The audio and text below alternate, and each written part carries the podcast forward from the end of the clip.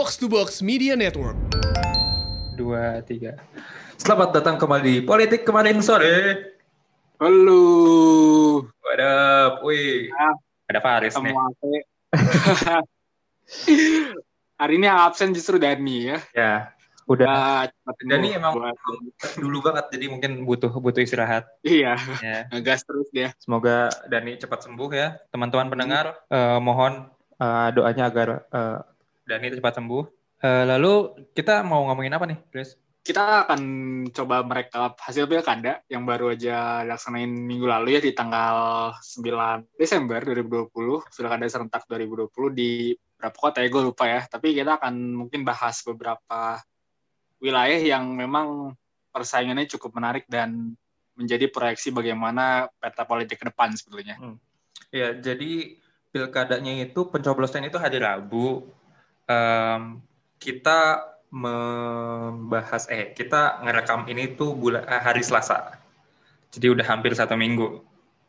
Dan em, datanya juga udah cukup fix dari KPU-nya, walaupun belum ditetapkan, tapi em, rekapannya udah kelihatan siapa yang menang dan siapa yang kalah. Gitu. Hmm. Ya kan? Nah, Ya efektifnya 2002 Januari kalau nggak salah. Pelan pelantikan nih kalau nggak salah ya, yang gua gua denger. Hmm, iya iya iya. Nah, em, kita mulai dari mana dulu, dulu nih, Riz? Ada 270 daerah nih. Lo mau mulai dari mana nih? Gua gue pengen mulai dari yang lebih dekat dengan posisi gua hari ini dari dari Depok mungkin ya. Depok juga dekat sama gue. Depok dulu kali. Heeh. Depok Hmm. tuh cuman cuman dua kan ya? Cuman dua cuman dua Ya. kandidat kan ya? Dua paslon ya. Heeh. Pak Idris sama Pak IBH ya Mm-mm. dan Pradi Afifah. Kayak gitu. Dan kebetulan dua-duanya petahana ya. Dan ternyata ya tetap yang menang petahana. Tapi Pak Pak Idris yang menang kali ini ya. Padahal Ternyata ini tuh udah udah kayak petahana versus everyone else gitu ya. Hmm. Tadinya kelihatannya, cuman Hmm. akhirnya ternyata balik lagi gitu ya karena mungkin kontender kontendernya tuh nggak begitu menarik mungkin gitu ya tidak terlalu kayaknya sama aja gitu ya dan bisa jadi emang basis-basis gerakan grassroots-nya yang kita nggak tahu sejauh mana gitu Ya, kota Depok itu ini sebenarnya cukup untuk pilkada ini cukup apa ya? Cukup seru dan cukup eh, dekat loh hasilnya. Cukup tipis lah. Em, berapa tuh Pak? Muhammad Idris Imam itu 55 persen, Pradi Afifah itu 40 44,5 persen. Jadi 55,5, 44,5. Bedanya nggak sampai eh, bedanya ya 10 persen lah, beda 10 poin gitu. Ini udah 90 udah 99,85 persen di eh, website KPU-nya. iya iya iya Ya. ya Itu- kata lah ya gue tuh sempet um, gue tuh sempet um, punya teori kayak gini. Ini kalau banyak yang Hmm. gol, ini kalau banyak yang golput, pasti Hmm. petahana yang menang nih. Ya, dan itu kan yang kejadian sebenarnya. Uh, gue memperhatikan, kan gue di Depok ya, gue di Kober, Hmm. gue memperhatikan um, TPA, TPA di TPU TPU di Kober itu kayak sepi banget. Kayak biasanya kan kalau kalau ada apa? Kalau ada TPS ada gitu. Iya, ada. Ah. itu tuh kayak eh dipanggil gitu. Yang yang belum biasanya tuh yang oh karena yang dekat belum ya eh, eh, yang belum ini tuh kan dipanggil. Bapak ini, Bapak ini, Bapak ini belum menggunakan hak suaranya gitu biasanya. dipanggil di di masjid atau di Iya. musola tuh kayak dipanggil gitu loh. Tapi ini kemarin tuh kayak nggak ada banget kayak anjir ini ini pilkada bukan? Eh, jadi em, menurut Nggak, apa ya semaraknya nggak beda gitu ya mungkin Iya. dengan tahun lalu kalau kita bandingin gitu. ya. Ya, beda-beda banget. Nah, itu di Depok. Kalau kita lihat di Jawa Barat lainnya, ada Kabupaten Bandung. Kabupaten Wah, Bandung ini- nih. Ini yang jadi yang jadi seru adalah sebenarnya persaingan antar wakil sebetulnya. Hmm, karena ada Atep. Iya, tambah satu lagi tuh Sahrul Gunawan itu kan itu Hmm, yeah, artis terkenal 90-an kan. Hmm. Kalian pasti nonton Gini apa Gini Ojini kan? iya ya. Sahrul Gunawan tuh yang Gini Ojini ya. Aduh. Iya, tempat ukuran sih sama satu lagi. Iya, tertempel gitu di, di otak gitu. Yeah. Jadi Sahrul Gunawan ini uh, men menyokong uh, Haji Dadang Supriyatna dan mereka hmm. menang cukup jauh 54 persen Kabupaten Bandung. Hmm. Imam 54 tapi melawan dua kan? Dua, melawan dua. Jadi gila, cukup, itu gila, cukup impresif juga sebenarnya. Iya ini cukup jauh juga. Iya itu jauh sih untuk untuk ah. tiga sih. Nah hmm. kalau ini sebenarnya uh, kalau di Jawa Barat itu memang memang kelihatan banget grassrootsnya PKS ya grassrootsnya Partai Keadilan Sejahtera karena di Sukabumi juga yang menang itu dari PKS, Pak Abu Bakar Sidik kalau nggak salah. Hmm, oh ada juga sih di Indramayu ya. Cuman gua nggak tahu siapa pemenangnya. Cum, cuman salah satu calonnya itu adalah Daniel Motakin itu sempat dinaikkan sebagai bakal calon wakilnya Kang Emil waktu itu. Hmm. Karena memang dia adalah anak dari ex bupati kayak gitu. Pak Pak Hmm. Yance. Tapi nggak tahu menang atau enggak. Karena di sana gol karya bisa dibilang cukup kuat di Indramayu. Oh, gue salah. Abu Bakar Sidik itu ternyata eh, paslon dari PDIP, PKB dan PPP. Hmm, hmm. Itu yang menang. Kenapa yang namanya seperti ini dikaitkan dengan PKS? salah ternyata gue. Aduh, bahaya ini. Ada politiknya identitas ini. Bahaya. Aduh, aduh, ya, ya, ya. Bro. Ini Ya, ya, ya. Sukabumi itu kabupaten atau kota sih? Kabupaten ya? Ya ini Ada kabupaten. dua. Ada kota, kotanya kecil sih. Kabupaten itu yang sangat sangat luas kan. Karena nah, memang ya, sekarang juga kalau- mau kalau di kotanya- Kalau kotanya nggak nggak pilkada sekarang soalnya Hmm. baru kabupaten yang pilkada. Jadi eh, Sukabumi ternyata bukan bukan PKS ternyata. ya Jawa Barat. Memang m- memang ini lumayan menarik sebenarnya ini di Jawa Barat ini. Soalnya banyak yang banyak yang ini, banyak yang menangnya tuh jauh gitu dari dari ininya. Banyak yang di atas 50%. Padahal lawannya melawan- cukup banyak. Oh iya, itu bisa dikatakan telak sih. Ya, di, di, di Karawang ini 60% loh. Eh, dan ini siapa? Bu Cecilia bukan? Ya, Bu Oh, Selisa itu. Nur Eh, Selisa. dia Nur Ya, itu petahana. Ya, itu petahana. ya. Oke, dia sempet positif COVID juga nggak salah atau sekdanya waktu itu ya. Tapi yang menarik itu yang besar Sumbar sih. Cuman gue juga nggak tahu calonnya siapa ya. Sumbar ya. Sumbar itu yang menang. Karena yang gue ingat adalah Valdo nggak jadi ikut gitu ya. Ya, Sum- Sumbar itu salah satu yang paling seru. Yang menang tuh 30 yang menang tuh 32 persen. Eh, Mahyeldi 32 persen dan Oh, yang keduanya itu 30,4 persen. Eh, Dani kayak Jabar 2018 nih. Oh iya iya, kayak ini ya. Banget. Yang ternyata Kang Emil ternyata Kang Emil punya kontender ya. Hmm. Hmm. Dan yang tidak disangka-sangka gitu ya. Iya iya. Malah yang diprediksi di bawahnya itu. Oke. Tapi provinsi itu tidak tidak terlalu seru sih menurut gua tahun ini. Kenapa tidak? kalah ada? gitu. Selain tidak ada yang gua kenal. Tapi emang emang apa ya? Mungkin kampanyenya dan isu-isu yang naik nggak nggak begitu lekat justru gitu dibanding dengan di kabupaten kota gitu. Kayak misalnya kita coba pindah ke Banten, ke provinsi Banten ada pilkada Tangsel Hmm. yang mana ini jadi sangat seru karena faktanya adalah dari tiga paslon ketiga calon wakilnya ini punya hubungan dengan dinasti politik yang ada di Indonesia saat ini kayak gitu. Hmm. Nah, Berapa? ada Tiga? Tiga pas? tiga tiga paslon tiga tiganya nah ini yang juga seru wakil yang gue rasa lebih terkenal kayak dibanding Iya. dibanding maksudnya secara secara di media dan di nasional Di ya politik tapi nasional ya. yang politik nasional tapi sebetulnya para calon apa wali kotanya ini justru memang yang dia kuat di Tangselnya kayak gitu karena Hmm. yang turun itu sampai eh, petahananya banyak ada wakil wali kotanya Pak Benjamin itu ya yang men- akhirnya menang dan Hmm. juga ada Pak Muhammad yang pasangannya dengan Bu Saras kayak gitu Ah. eh, Bu Sara itu itu sekda dia kayak gitu nah jadi cukup cukup terkenal gitu ya di di Tangsel ya tapi jadi ramenya karena ya ini kaitannya ke politik nasional dan juga politik di provinsinya Banten kayak gitu.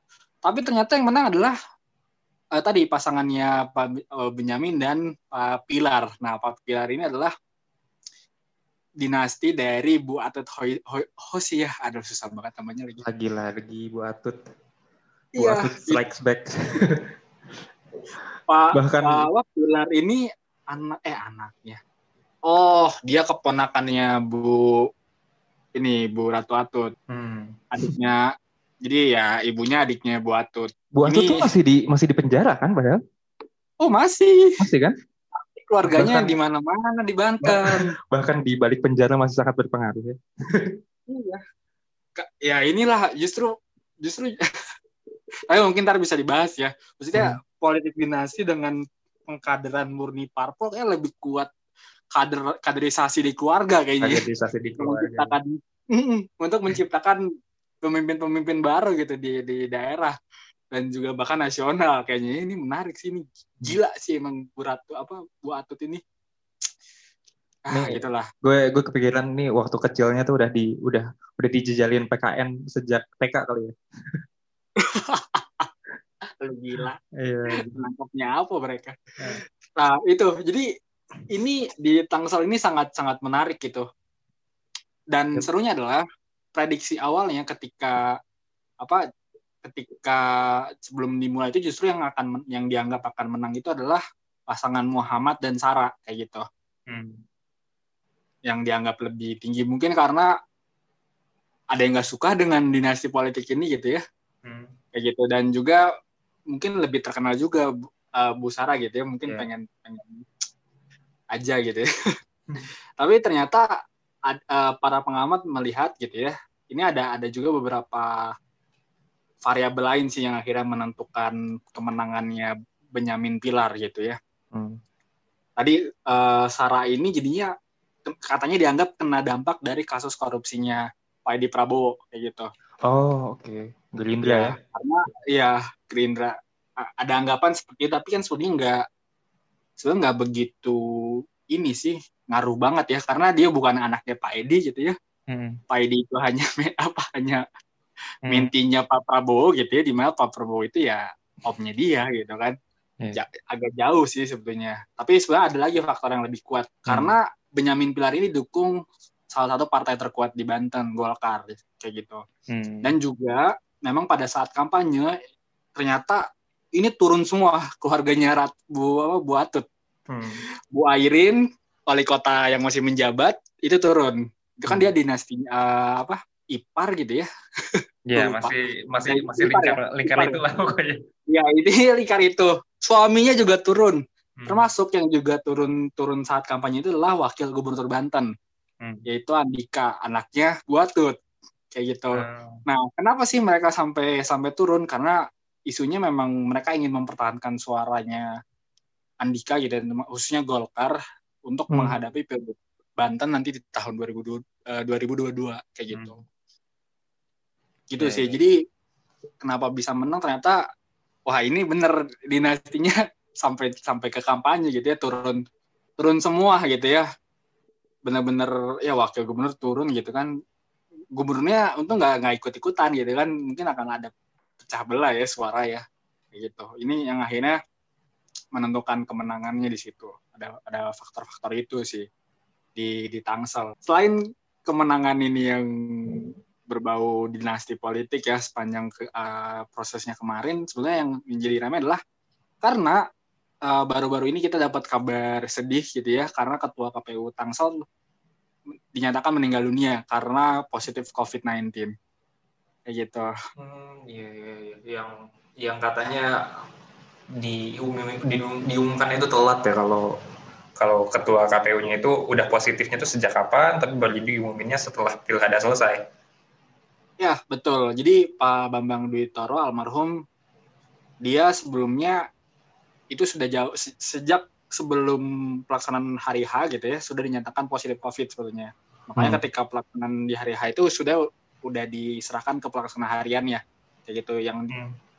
kayak gitu jadi intinya.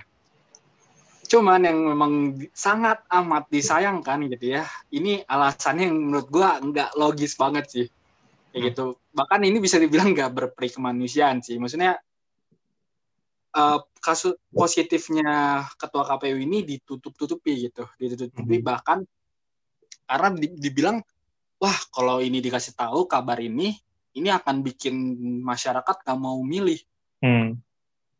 Iya. Jadi kesannya jadi mereka mengorbankan satu orang gitu ya hanya untuk memastikan eh, sesuatu hal gitu ya ya pilkada di sini gitu agar berjalan lancar gitu. Padahal hari ini yang kita butuhkan adalah sebenarnya keterbukaan pemerintah gitu ya ataupun lembaga lainnya gitu yang yang sedang jadi sorotan publik gitu.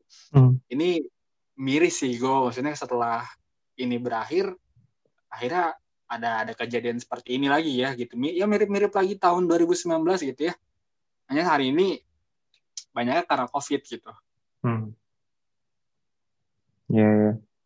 Nah, kalau di Tangsel kayak gitu, di Surabaya tuh beda lagi. Hmm. Di Surabaya tuh, kalau di Tangsel kan jelas banget kerasa ini ya, kerasa, wah ini politik dinasti, apa tiga dari empat kandidatnya poli, apa dinasti politik semua gitu. Nah, kalau di Surabaya itu bukan politik dinasti, tapi politik politiknya tuh politik apa ya? Politik penurunan. Jadi um, it's it's uh, uh, apa ya?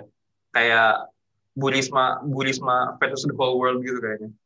Karena um, yang di endorse sama Burisma kandidatnya namanya siapa sih? Pak Ah, Eri Cahyadi. Betul. Ya, Pak Eri Pak Eri Cahyadi. Cahyadi ini kadis, kadis salah satu kadis terbaik lah di Iya. Pemkot Surabaya. Di. PN jadi PNS kan, ASN kan. Iya. kan. Ya, ASN yang baru main politik sekarang di endorse sama Hmm. Burisma. Lalu mengalahkan eh, Mahmud Mahfud Arifin yang di yang didukung hampir sama semua eh, parpol Iya, di kota Surabaya gitu. Hmm. Dan dan menang. Pak Erick Cahyadi ini menang 57 persen. Menunjukkan bagaimana si eh, Bu Risma ini masih sangat-sangat berpengaruh ya. Gitu. Tapi Nah, tapi tapi gue gak walaupun, kaget gitu. ya, walaupun walaupun walaupun em, gue baca berita ternyata em, angka golputnya itu parah banget di Surabaya. Angka Oh, golputnya itu sampai 50 persen. 50 persen. 50 Nggak milih. Ya, Gila. sampai 50 persen. Belum itu itu yang itu mungkin em, belum ada angka resmi dari KPK-nya ya. Eh KPK dari KPU-nya. Tapi Oh. dari dari dari lembaga-lembaga survei dan dari lembaga-lembaga ini katanya 50 persen. Dari berita tuh 50 persen. Dan mungkin KPU juga belum merilis eh, angka golput di semua tempat ya. Gue, gue baru tahu yang dari Surabaya doang. Tapi em, prediksi gue sih memang dengan adanya COVID ini dan dengan dengan protokol yang hmm, questionable gitu ya, Hmm. ya pasti bakalan banyak yang golput. Cuman kebetulan nih, Pak ya, gue dua minggu terakhir itu dua kali ke Surabaya, Pak. Oh gitu. Dan menurut gue Surabaya itu parah protokol kesehatannya. Sumpah ini Gimana tuh? sangat sangat santai orang-orangnya tuh. ya gue gua nggak sempat ngobrol sama banyak orang sih, maksudnya Aha. gue berhubungan dengan orang yang gue rasa berpendidikan cukup lah gitu, jadi paham penggunaan masker gitu. Ini ini bisa jadi murni bukan karena prokes sih, Hmm. sotoynya gue ya karena gue ngelihat di lapangan kayak gitu gitu. Hmm. Cuman emang apa ya? Mungkin nggak apa ya? Ini gue belum baca studinya lagi sih. Bisa jadi emang mungkin nggak ada yang nggak setuju dengan dengan pilihannya Bu Risma mungkin atau mungkin pasangan satu lagi tidak begitu menarik karena apa ya? Karena nggak suka polisi mungkin. Aduh. Ya, ya, Cuma ya. ya gua gua agak aneh aja sih. Gua kaget aja dengan 50%, tapi kalau dibilang karena prokes gua nggak gua nggak ini sih menolak sih karena agak agak lebih santai gitu dibanding daerah lain mungkin ya. Di kota Hmm. besar gitu ya. kayak gitu berarti ada faktor ya secara politik gitu mungkin kampanyenya tidak begitu masif akhirnya sampai hmm. akhirnya warga nggak nggak bergerak ke TPS gitu ya dari tadi ngomongin dinasti politik kok kita belum ngomongin yang di Solo ya? Iya loncat deh. Dari iya. ujung timur eh ujung barat ke ujung timur. Di Solo sebetulnya secara persaingan kandidat tidak seru sih. Kayak gitu seru ya. mana seru? Iya tidak seru gitu kan. Karena tadinya kan yang yang yang di menuju menuju batas akhir pendaftaran kan kita udah melihat wah kayaknya Gibran dan siapa sih pasangannya Teguh ya. Hmm. itu kan lawan kota kosong kan yeah. gitu. Cuman akhirnya di di akhir gitu. Akhirnya muncul di ini ya. dan di, satu pasangan independen. Di instalasi ya? Nah itu dia yang pengen pengen gue omongin. Dan memang akhirnya nyata gitu. Orang yang benar-benar dipersiapkan menang dan telak banget gitu ya sampai yeah. 87 persen kayak gitu. Iya. Yeah. menariknya kayak yang independennya pun katanya di kayak semacam ujuk-ujuk ditawarin untuk maju gitu kan? Ya itu dia. Nah, makanya Solo ini mirip Surabaya. Kalau tadi Surabaya 50% tidak memilih, ini data-data di Solo itu 46% tidak menggunakan hak pilihnya. Hmm. Kayak gitu. 46%. Jadi sebetulnya ini di bawah target dari tim pemenangannya Gibran juga sebetulnya. Hmm. Kayak gitu. Dan pada akhirnya ternyata memang muncul tuh kesaksian-kesaksian ya soal tadi lu bilang instalasi dalam tanda kutip ya. Memang ada ada beberapa kesaksian beberapa orang yang di apa divalidasi oleh tim Bawaslu itu ya yang diminta KTP oleh timnya ba Bakjo ya siapa sih saking tidak tiba-tiba munculnya ya intinya lawannya itu ketika diverifikasi mereka kaget kapan ada orang datang ke rumah saya gitu kenapa hmm. bisa nama saya dan keluarga saya ada di sana gitu bahkan ada fotokopi KTP-nya Wah itu gokil sih. Maksudnya berarti kan terencana ya. Karena yang yang yang yang, di, yang baru diberitakan itu baru dua gitu ya. Ini sudah jadi PR PR besarnya Bawaslu Kota Surakarta sih. Hmm. Gitu ya. Kok bisa hmm. ada ya maksudnya dua dua sampel udah cukup kalau kata gue ya untuk diselidiki sih. Lebih lebih jelas apa lebih jauh lagi gitu. KTP yang dikasih pada saat pendaftaran tuh bener nggak orang-orangnya mendukung gitu. Karena pada akhirnya yeah. yang diverifikasi itu mereka minta uh, di apa dia mereka minta namanya dicabut gitu. Menolak untuk di di apa disertakan dalam bagian persyaratan tuh enggak lah saya nggak nggak tahu apa-apa gitu kok ada ada nama saya. Mm -hmm. gitu.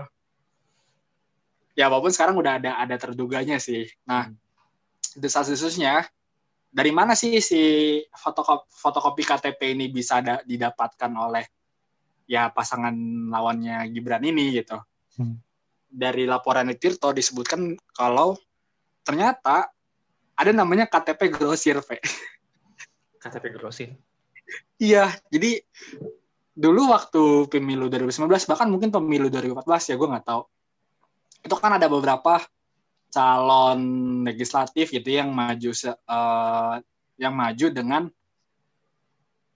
pakai fotokopi KTP gitu ya hmm. ataupun mungkin ada di bekas-bekas sebelumnya entah dari uh, di Solo gitu ya atau pas pilpres atau gimana ya. Pokoknya ini ada fotokopi KTP yang pernah digunakan di kegiatan pemilu atau pilkada sebelumnya yang digunakan kembali. Kayak gitu. Untuk pilkada Surakarta 2020 oh. Isunya hmm. kayak gitu. Nah, ketika divalidasi sama tim Tirto salah satunya hmm. ada yang orangnya udah pindah bahkan gitu, udah nggak di Solo, tapi emang dia nggak ngurus KTP-nya makanya masih aktif hmm. dan tercatat sebagai warga kota. Solo hmm. kayak gitu.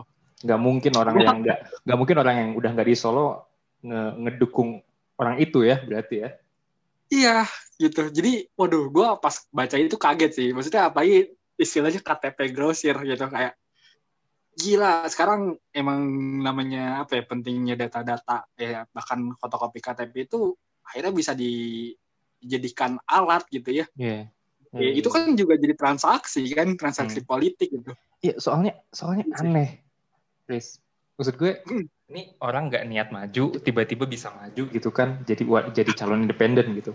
Orang-orang yang niat maju maju independen tuh nggak ada yang pernah berhasil jadi calon independen. Ya betul. Iya kan? Kita sebut aja Rian Ernest gak jadi di Depok, di Depok ada, juga ada nggak jadi terus di Jakarta juga ada nggak jadi akhirnya jadinya pakai sama partai gitu iya yeah. memang sistem sistemnya itu didesain untuk biar independen susah maju gitu. Terus ini tiba-tiba ujuk-ujuk kayak ini nggak niat maju tapi bisa bisa dapet independen gitu. Aneh banget. Ya, ini harus sih fair banget sih di ya tapi memang sebenarnya kasus-kasus apa ya ini kan tadi kan da, dasar, dasar bisa kejadian muncul bisa dibilang paslon fiktif mungkin ya hmm. tapi ada gitu sosoknya cuman kayak nggak bener aja gitu dia proses majunya hmm. yeah. karena untuk menghindari adanya kota kosong. Kalau isunya yang dibilang itu di Solo untuk meng, uh, mengamankan dalam tanda kutip keamanan kondu, ke kon, apa kondusivitas di kota Solo katanya. Kayak gitu. Kalau sampai akhirnya paslon tunggal kayak gitu. Karena memang di Pilkada 2020 ini kan banyak banget ya yang akhirnya lawan kota kosong gitu. Walaupun hampir mungkin hampir 100% semuanya akhirnya menang gitu. Bahkan ada yang menang telak juga gitu sampai 80 persen ke atas gitu lawan kota kosong gitu. Yep. Ini hmm. ya makanya akhirnya gara-gara ini juga orang menolak karena kesannya dipaksakan kan kayak gitu. Nah ini mungkin yang jadi alasan kenapa di Solo akhirnya dipaksakan ada lawan gitu kan. Hmm. Ini biar nggak terlalu apa ya nggak kelihatan gitu ya ambisiusnya mau bikin dinasti gitu. Yeah. Jadi um, both anaknya Pak Jokowi dan menantunya menang ya? Hmm. Yes. Iya, menantunya juga menang. Ya. Mas Bobi Nasution. Mas Bobi Nasution menang di Sumatera ya, Sumatera Utara kalau nggak salah. Dan uh, tentu saja ini ya, gue baca di, di uh, rilisnya Perludem, um, kalau katanya 93,7 persen paslon kepala daerah patuh prokes saat ke TPS, patuh prosedur apa, patuh protokol kesehatan. Cuman cuman itu kan hanya mengukur pasangan calon pemimpin daerah doang ya. Itu kan cuma beberapa gitu. Terus uh, katanya 96,9 persen pengawas sudah mematuhi protokol kesehatan tapi katanya masih ada kerumunan di beberapa TPS uh, 18,1 persen nah um, di beberapa tempat yang kemudian muncul di berita itu di Jember itu cukup tinggi lonjakan uh, kasus COVID-nya setelah setelah pilkada. Dan ini oh udah uh, udah ke tracing gitu. Udah, udah. Di di beberapa tempat salah satunya di Jember yang yang hmm. yang ketahuan dan ketahuan sama uh, media mainstream itu di Jember udah ada berita. Tapi hmm. gue rasa memang kalaupun misalnya setelah hari Rabu kemudian seminggu kemudian masih masih belum terasa lonjakannya dari dari ininya dari laporan Kemenkes ya patut dicurigai pertama karena mungkin um, ditutup-tutupin pertama kedua hmm. mungkin um, memang hasil tesnya hasil tesnya belum belum belum bisa diakses gitu loh kayak baru masuk lab atau gimana kan banyak banyak yang kemarin tuh masih kayak masih masih kayak gitu gitu alasan alasan kenapa tiba-tiba melonjak gitu segala macamnya jadi sebenarnya ya kita tinggal tunggu aja ini lonjakannya seperti apa. Karena ya, jangan sampai deh ya. ya jangan sampai deh. Karena uh, kalau kita lihat Amerika Serikat ya, yang hmm. mereka itu pilpres dan dan election election itu kan cuma bukan cuma pilpres doang. Tapi mereka pilpres Amerika Serikat itu udah banyak yang pakai ballot, udah banyak yang pakai eh, sorry, maksudnya udah banyak yang pakai uh, surat gitu, pakai pos udah banyak yang early vote dan udah banyak yang um, vote absentee absentee vote gitu. Yang nggak datang ke TPS itu udah cukup banyak persentasenya. Dan tetap aja banyak tetap aja lonjakannya itu uh ini banget gitu. Jadi gue sih kalau kemudian di Indonesia lonjakannya nggak terlalu kelihatan gitu ya gue sih agak-agak curiga aja sama testing testingnya ya jadi uh, pilkada udah selesai gue sebenarnya agak bingung um, gimana harus gimana harus me, merangkum rangkum pilkada ini. Karena ada 270 daerah yang pilkada, 25 daerah itu lawan kota kosong. Lalu kemudian di beberapa tempat kelihatan banget golputnya sampai 50%. Terus kemudian um, politik wah dinasti politiknya juga banyak banget yang main bukan bukan bukan bukan cuma um, ikutan aja tapi menang juga gitu loh dinasti politiknya itu. Di Tangsel sendiri ada tiga dari empat kan itu dinasti politik. Tiga dari tiga, sorry. Tiga oh tiga dari tiga, tiga dari tiga hmm. itu dinasti politik. Mau milih siapa pun, mau milih siapa pun tetap aja dinasti politik gitu. Hmm. Dan uh, sebenarnya um, udah pernah kita bahas ya soal ini gue sih hmm. tidak mengharapkan banyak perubahan dari ada dari pilkada 2020 ini gitu. Iya betul. Tapi ya alasan, ya itu alasan kenapa alasan kenapa um, perbedaan antusiasme perbedaan antusiasme dari uh, Amerika Serikat sama Indo apa pergi Indonesia gitu ya. Kalau di Amerika Serikat ngerasa ini ini pemilu benar-benar bakal nentuin Trump jatuh atau enggak gitu loh. Makanya turnoutnya paling tinggi sepanjang sejarah tuh. Turnout dari pilka, eh, pilpres Amerika Serikat 2020 itu paling tinggi sepanjang sejarah.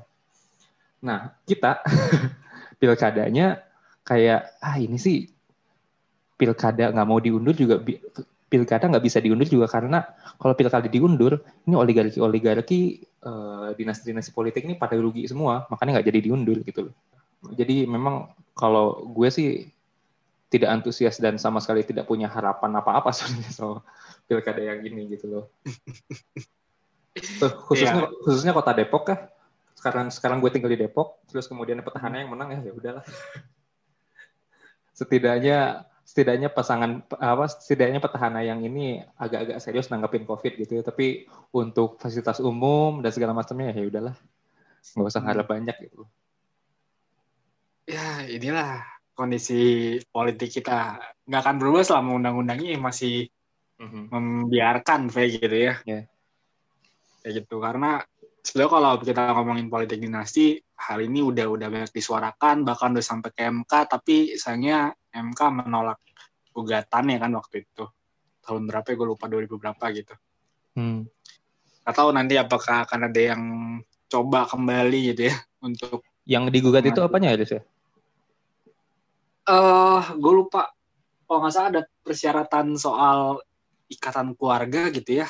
Jadi kayak harus di diseling gitu oh. nggak biar jangan sampai langsung setelah karena kan kejadiannya gini lu nyap ja, lu uh-huh. ini pasalnya kayak, double sih kayak di pasal kayak soal, di Cimahi aja ya nggak sih iya Pak, Pak Itok Pak Itok Tohija almarhum oh. itu pertama kali jadi wali kota terus hmm. kemudian turun digantiin istrinya terus yes. Pak Itok kena kena kasus eh apa di hmm. Ditahan buat ditahan buat uh, korupsi Tuh, nggak lama istrinya juga nggak ditahan buat korupsi. Terus kemudian pengganti istrinya kayak kaki tangan istrinya gitu naik jadi wali kota eh ketahan juga. Ya jadi kayaknya ada gue nggak gue nggak tahu detail dan gue nggak tahu polanya seperti apa ya. Eh gue nggak tahu detail dan nggak tahu prakteknya seperti apa ya. Tapi polanya itu kayak ini um, ini kursi tahta kursi tahta di daerah-daerah ini harus di, dipegang terus. Karena kalau nggak dipegang mereka bakalan ketahuan gitu loh korupsinya gitu. Mungkin ya, kayak bisa. polanya tuh seolah-olah seperti itu gitu. Ya karena, itu makanya kan. ya mungkin mungkin aja karena Banten Banten dikuasai sebegitunya sama um, keluarganya Ratu Atut gitu ya. Walaupun Ratu Atutnya udah kena korupsi udah di penjara karena kalau kalau kemudian didudukin sama orang lain mungkin makin kebongkar lagi bobrok-bobroknya jadi walaupun udah kalah dalam tanda kutip kalau walaupun udah kalah sama KPK tapi nggak boleh kalah di pilkada gitu loh Hmm. Ya, tapi ya. nggak ya. tahu juga sih. ya, ini ini PR panjang lah intinya untuk untuk soal apa soal dinasti politik ini ya. Kalau gue mengutip dari omongannya Mas Yus Kenawas ya, dia ngegambarin masalah politik kita itu layaknya iceberg gitu. Dinasti politik itu hanya hal-hal yang muncul aja di permukaan. Tapi permasalahan politik kita itu lebih jauh lagi di bawahnya gitu. Yang lebih runcing dan lebih banyak gitu. Masalah pendidikan politik ya ini yang sering kita omongin lah. Hmm. soal sistem elektro elektoral gitu kan kepartaian dan lain-lain yang yang cukup rumit. Dan ini ya bisa dibilang apa ya mungkin emang kita lu juga pernah bilang sih demokrasi kita memang masih di tahap yang apa ya masih trial and error gitu belum belum cukup stabil dan clear lah bisa dibilang gitu kalau misalnya apa kita bandingkan dengan Amerika Serikat yang lebih lebih senior lah kayak gitu ya. Hmm. ya tapi menurut lo apakah trennya membaik? Kan lo bilang ini masih masih muda gitu demokrasinya kita baru hmm. beberapa tahun setelah reformasi. Tapi menurut lo apakah trennya membaik? Karena gue baca dari Pak dari Pak Yos Kenawas juga nih, hmm. itu Indonesia itu dinasti politiknya itu dari 2015 itu hmm. um, menarik ini. Dari 2015 itu yang menang ataupun yang hadir di pemilu itu 2015 itu cuma 52. Sekarang itu udah 146 gitu loh. Jadi 280 persen gitu loh naiknya. 146 Yeah, yeah, 280. Jadi seolah-olah oligarkinya itu makin kuat gitu loh. Dan hmm. dan benar-benar ini juga ini menarik juga karena di di di Indonesia itu um, lebih penting dinasti daripada um, gimana ya? Kemunculan kemunculan tokoh yang memang muncul karena apa ya kontribusinya gitu ya ya itu. ya itu. Tapi gue ngelihat ini juga ngelihat uh, uh, ngelihat gender juga. Soalnya dinasti politik itu yang penting berkuasa aja gitu loh. Mereka hmm. nggak hmm. peduli yang kemudian berkuasa itu perempuan atau laki-laki. Tidak hmm. seperti di struktur politik lainnya di mana laki-laki dominan ya. Kalau dinasti politik itu 54% laki-laki 46% perempuan. Jadi bodoh amat laki-laki atau perempuan yang penting berkuasa gitu. Menarik banget sebenarnya ini ini sebenarnya kalau di stretch lagi diskusinya ke yang lebih luas sebenarnya menarik. Karena um, gue sebelum ini sempat dengerin podcast uh, Indonesia in depth ya. Di sana ngebahas hmm. soal di sana tuh membahas soal bagaimana parpol-parpol besar itu masih dalam platformnya itu mereka itu pengen mengembalikan ke pilkada pilkada tidak langsung. Hmm. Kenapa? Dan dan di sana itu dibahas salah satu alasannya adalah mereka itu parpol-parpol yang pusat gitu ya, hmm. um, ketua-ketua parpol di Jakarta gitu, ketua-ketua parpol yang ada di pusat itu mulai mulai ke, kehilangan kontrol terhadap daerah-daerah. Jadi dengan adanya dinasti, kan kalau kemudian um, pilkadanya hmm. langsung, otomatis bakalan ada bakalan muncul raja-raja sendiri di daerah masing-masing ya. Nah, jadi um, di satu sisi pilkada tidak langsung itu jelas buruk bagi demokrasi karena bikin demokrasinya kurang demokratis gitu loh. Apa si pemilunya itu kurang demokratis. Di sisi lain memang jadi selain selain jadi disentralisasikan lagi, tapi juga bakalan membunuh dinasti-dinasti politik yang mungkin tidak sampai level nasional influence-nya, tapi level regionalnya itu sangat-sangat influence, eh, sangat-sangat berpengaruh banget gitu. Menarik sebenarnya. Yeah.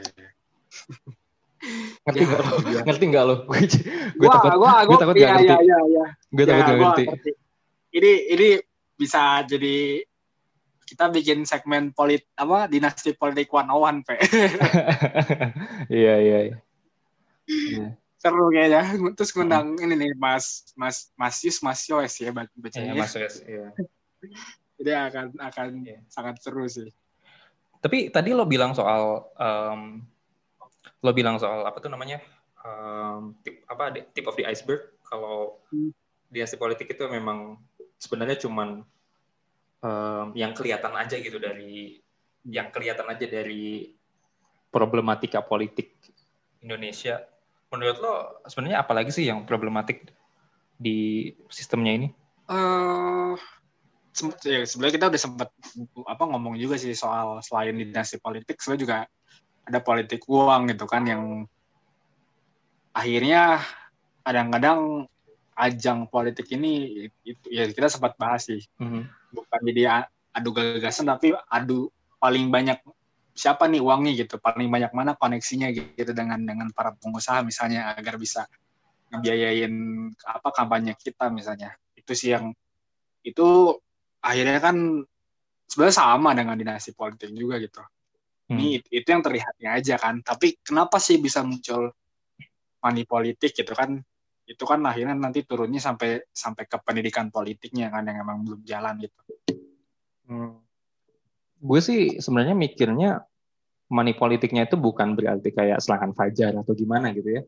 Tapi kan hmm. memang karena ya kampanye itu makin ke daerah makin mahal ya nggak sih? Yap. Makin ke daerah makin mahal berarti kemudian setidaknya calon calon calon pemimpin di daerah itu antara satu um, punya duit sendiri atau dua dia bakalan dia bakalan jadi pionnya pengusaha-pengusaha lokal gitu. Mm -hmm. yes. Jadi um, kalau itu terus menerus dilanjutkan gitu ya pengusaha lokalnya tambah tambah kaya kemudian tambah besar influence-nya ya itu yang kemudian bikin ya mungkin salah satunya politik dinasti juga dari situ. Karena akan lebih mudah ngontrol anggota keluarga lo sendiri. Gitu. kalau lebih udah iya. kontrol anggota keluarga lu sendiri untuk kemudian ya kalau ya sama aja. Ya gitulah kalau di Banten gitu. Walaupun mastermindnya gitu kayak udah di penjara tapi tetap aja gitu legacy keluarganya masih tetap. Ya ini gitu aja dulu ya ya. Next lah nanti kita coba dinasti politik one menarik nih. Yeah gue end dulu gue end dulu recordingnya. Uh, thank you buat semuanya yang udah dengerin. Kita gue Ave dan Faris. Bye. See you later. See you